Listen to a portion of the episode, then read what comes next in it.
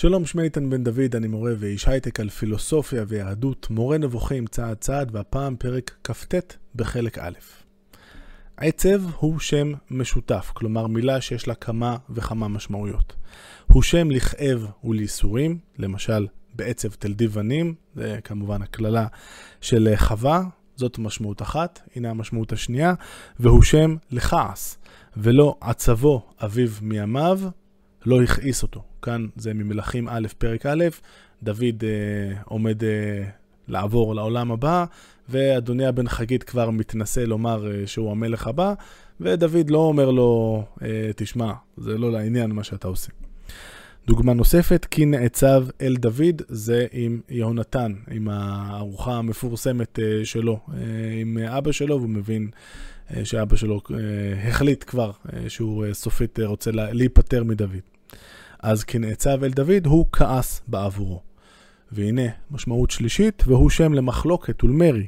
מרו ועיצבו את רוח קודשו, זה מי שהיה.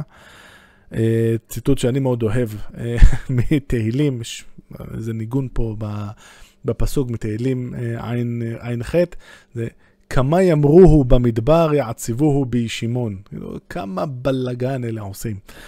אה, ועוד אה, שתי דוגמאות מתהילים, אם דרך עוצב בי וכל היום דבריי יעצבו. לפי המשמעות השנייה או השלישית, כלומר כעס או מחלוקת ומרי, נאמר ויתעצב אל ליבו.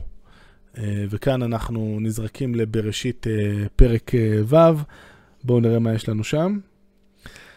וירא אדוני כי רבה רעת האדם בארץ, וכל יצר מחשבות ליבו רק רע כל היום, וינחם אדוני כי עשה את האדם בארץ, בארץ ויתעצב אל ליבו. ויאמר אדוני אמחה את האדם אשר בראתי מעל פני האדמה, מאדם עד בהמה, עד רמס ועד עוף השמיים, כי נחמתי, כי נחמתי כי עשיתים. ונוח מצא חן בעיני אדוני, ואנחנו ממשיכים כמובן לפרשת אה, נוח. אז מה זה כאן ויתעצב אל ליבו? זה משהו שקשור אה, לכעס. לפי המשמעות השנייה, פירושו שהאל כעס עליהם בשל רוע מעשיהם. רגע, אז מה זה אל ליבו כאן?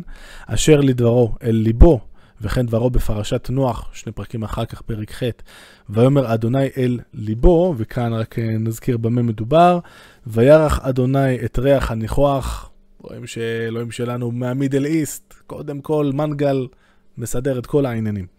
וירח אדוני את ריח הניחוח, ויאמר אדוני אל ליבו, לא אוסיף לקלל עוד את האדמה בעבור האדם, כי יצר לב האדם רע מנעוריו, ולא אוסיף עוד להכות את כל חי כאשר עשיתי. אז מה זה כאן, אה, ואומר אדוני אל אה, ליבו? אה, בשני המקומות האל ליבו, שמע את משמעותו, והיא שעניין שעליו אומרים לגבי האדם, שהוא אמר בליבו, הוא אמר אל ליבו, זאת אומרת, כשאני אומר על, על יעקב, יעקב שלנו, לא יעקב אבינו, שהוא אמר אל ליבו משהו, הוא עניין שאין אדם מוציא בשפתיו ואינו אומרו לזולתו. כך, על כל דבר שהאל רצה בו ולא אמרו אל נביא באותה שעה, אשר בו נתבצעה אותה פעולה בהתאם לרצון, נאמר, ואומר אדוני אל ליבו, מתוך דימוי לאותו עניין אצל בני אדם, על דרך דיברת תורה כלשון בני אדם. זאת אומרת, אה, התורה כאן, וזה, אה, דיברנו על העיקרון הזה של דיברת תורה כלשון בני אדם אצל הרמב"ם, אה, פשוט ככה מדברים אנשים, ככה, זה, זה מטבע לשון שמדברים אה, שנוקטים בו כשמדברים על מצב שאדם חושב משהו אבל הוא לא מתקשר את זה לאף אחד, אז כאן אם אלוהים לא שלח אה, אף נביא שיזהיר על העניין הזה, אז, אז הכל בסדר. תכף נגיד על זה מילה או שתיים כמובן. מכיוון שביחס למרי של דור המבול לא מתברר בתורה שנשלח נביא שלוח עליהם באותו זמן, ולא שנאסר עליהם דבר, ולא שאוים עליהם שישמדו, נאמר על אודותם שהאל כעס עליהם בליבו. וכן באשר לרצונו שלא יהיה מבול בעתיד. הוא לא אמר אז אל נביא עבור והודה להם על כך, לכן נאמר אל ליבו. עם מה זה לא כל כך מסתדר? זה לא כל כך מסתדר עם הדברים שהביא הרמב"ם בהמשך אה, בפרקי הנבואה, לפיהם מדובר הרבה יותר, כשמדובר על הנבואה, בעלייה של האדם מלמטה. הנביא מצליח מלמטה להתחבר ולהבין את המסרים של אלוהים, וזה הרבה פחות מזה שאלוהים בא מלמעלה ומוריד את, ה, את הדברים שלו לנביא. זאת אומרת, הכיוון הוא מלמטה למעלה ולא מלמעלה למטה, והנקודה, ש, והדרך שבה נוקט הרמב"ם כאן מעידה, זאת אומרת, היא, מאוד הולכת דווקא לפי השיטה שהרמב"ם אה, דוחה אותה בפרשנות שלו של מה זה נבואה, אלא כלומר, אם אלוהים לא שידר את זה, לא פתח מיקרופון ואמר למישהו, לך אתה ותגיד, אז, אה, אז הנה, אז הוא אמר את זה אל, אל ליבו, ומזה אפשר להבין שכל פעם שהוא כן רוצה אה, שנביא מסוים יגיד משהו, אז הוא מדבר איתו, או פונה אליו, וזה לא עולה בקנה אחד עם הדברים שיגיד הרמב"ם לאחר מכן. איך מיישבים את הסתירה, אז יש אה, שתי אפשרויות, וזה כרגיל אצל פרשני הרמב"ם, תלוי לאיזה מסקנה אתה רוצה להגיע. אם אתה אה, חושב שהרמב"ם באמת התכוון אה, למה שהוא אמר חזור ואמור אה, בפרקי הנבואה, לפי הנבואה זה מעמד שמגיע מלמטה, מלמטה למעלה, אז אה, הפרשנות המקובלת היא שזו סתירה מהסוג החמישי. זאת אומרת, הרמב"ם לא על ההתחלה נותן לנו את כל תורת הנבואה שאותה הוא אה, מפתח. אה, ב-17 הפרקים הספציפיים אה, בחלק ב', אבל בעוד אה, לא מעט מקומות אחרים, אנחנו לא מנחיתים על זה על הקורא על ההתחלה, כולה פרק כ"ט עכשיו בחלק א', חכו. אז בינתיים הוא מניח את הדברים בצורה לא מדויקת והוא הולך לדייק אותם בהמשך. מי שחושב במשמעות האחרת, שהרמב"ם לא באמת האמין שהנבואה מלמטה למעלה, אלא כן האמין במודל הקלאסי והכל, אה, וכל מה שהוא אמר לגבי זה שהנביא משיג את הדברים מכוח ה... האישיות שלו והתובנות שלו וההשגות שלו, זה מס שפתיים אה, שהוא ככה משלם לבעלי התפיסה האריסטוטלית. אה, ועוד נדבר על זה, זה יותר ממשיכי אריסטו מאשר אריסטו. וכאן, מכיוון שהוא מביא את זה כדרך אגב, אז אה, כמו שהוא אמר בפתיחה, שאת הדברים האמיתיים והמסובכים שהוא חושב עליהם, הוא יביא בדברי אגב פה ושם, ורק קריאה מוקפדת, קפדנית, תוכל uh, בעצם uh, להביא אותנו למצב שנבין מה כוונתו האמיתית של הרמב"ם. אז זאת יכולה להיות עמדה שנייה, ומול זה אפשר להביא טיעון נגד שאומר, uh, טוב, אבל כאילו, את הדברים שהוא אמר, שהוא יביא את העמדה שלו רק uh, כבדרך אגב וכזה, אפשר להבין את זה כשזה דברים רדיקליים, uh, שאלה הדברים שהוא רוצה להעביר, דברים שהוא לא יכול להגיד בצורה מפורשת, uh, כי יצאו נגדו וכולי.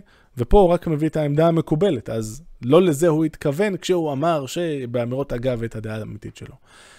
אם לסכם, אה, כל אחד יכול לראות את הדברים אה, כפי שהוא רוצה, אה, ויכול מאוד להיות שהרמב"ם כיוון לכיוון הזה. אם אתם שואלים אותי מה אני אישית חושב שהרמב"ם באמת האמין בו, אז זה, זה באמת הפרשנות הזאת של מלמטה למעלה, אני חושב שזה די, שקשה לברוח מהמסקנה הזאת. אבל תנו לי לשכנע אתכם כשנגיע לחלקים הרלוונטיים.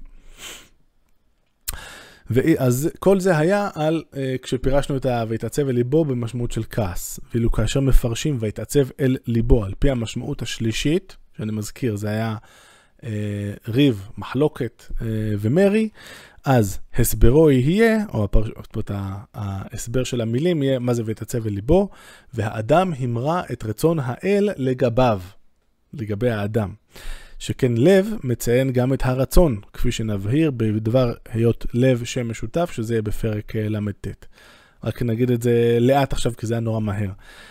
אז ויתעצב אל ליבו, אז אם הלב זה שם נרדף לרצון, אז האדם המרה, כי התעצב זה מרי, את רצון האל לגביו. זאת אומרת, זה בכלל, אה, את הרמב"ם, תראו את, ה, את, ה, את היכולת של הרמב"ם לקחת פסוק ולא, אה, ו, ולתת לו פרשנות שהיא כמעט הייתי אומר מנותקת, מנותקת כמעט לגמרי מהמשמעות המקורית. כי הפסוק מדבר על אלוהים.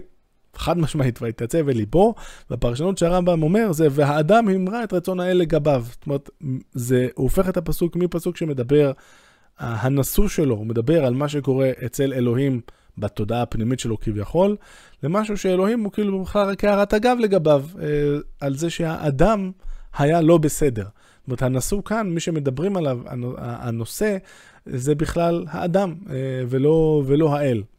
יכולת באמת מדהימה של הרמב"ם אה, כפרשן, שני כנראה רק אה, לרבי עקיבא, ביכולת שלו לקחת פסוק ולדלות ממנו משמעויות שאף אחד אחר לא היה רואה בהן. עד כאן להפעם, להתראות.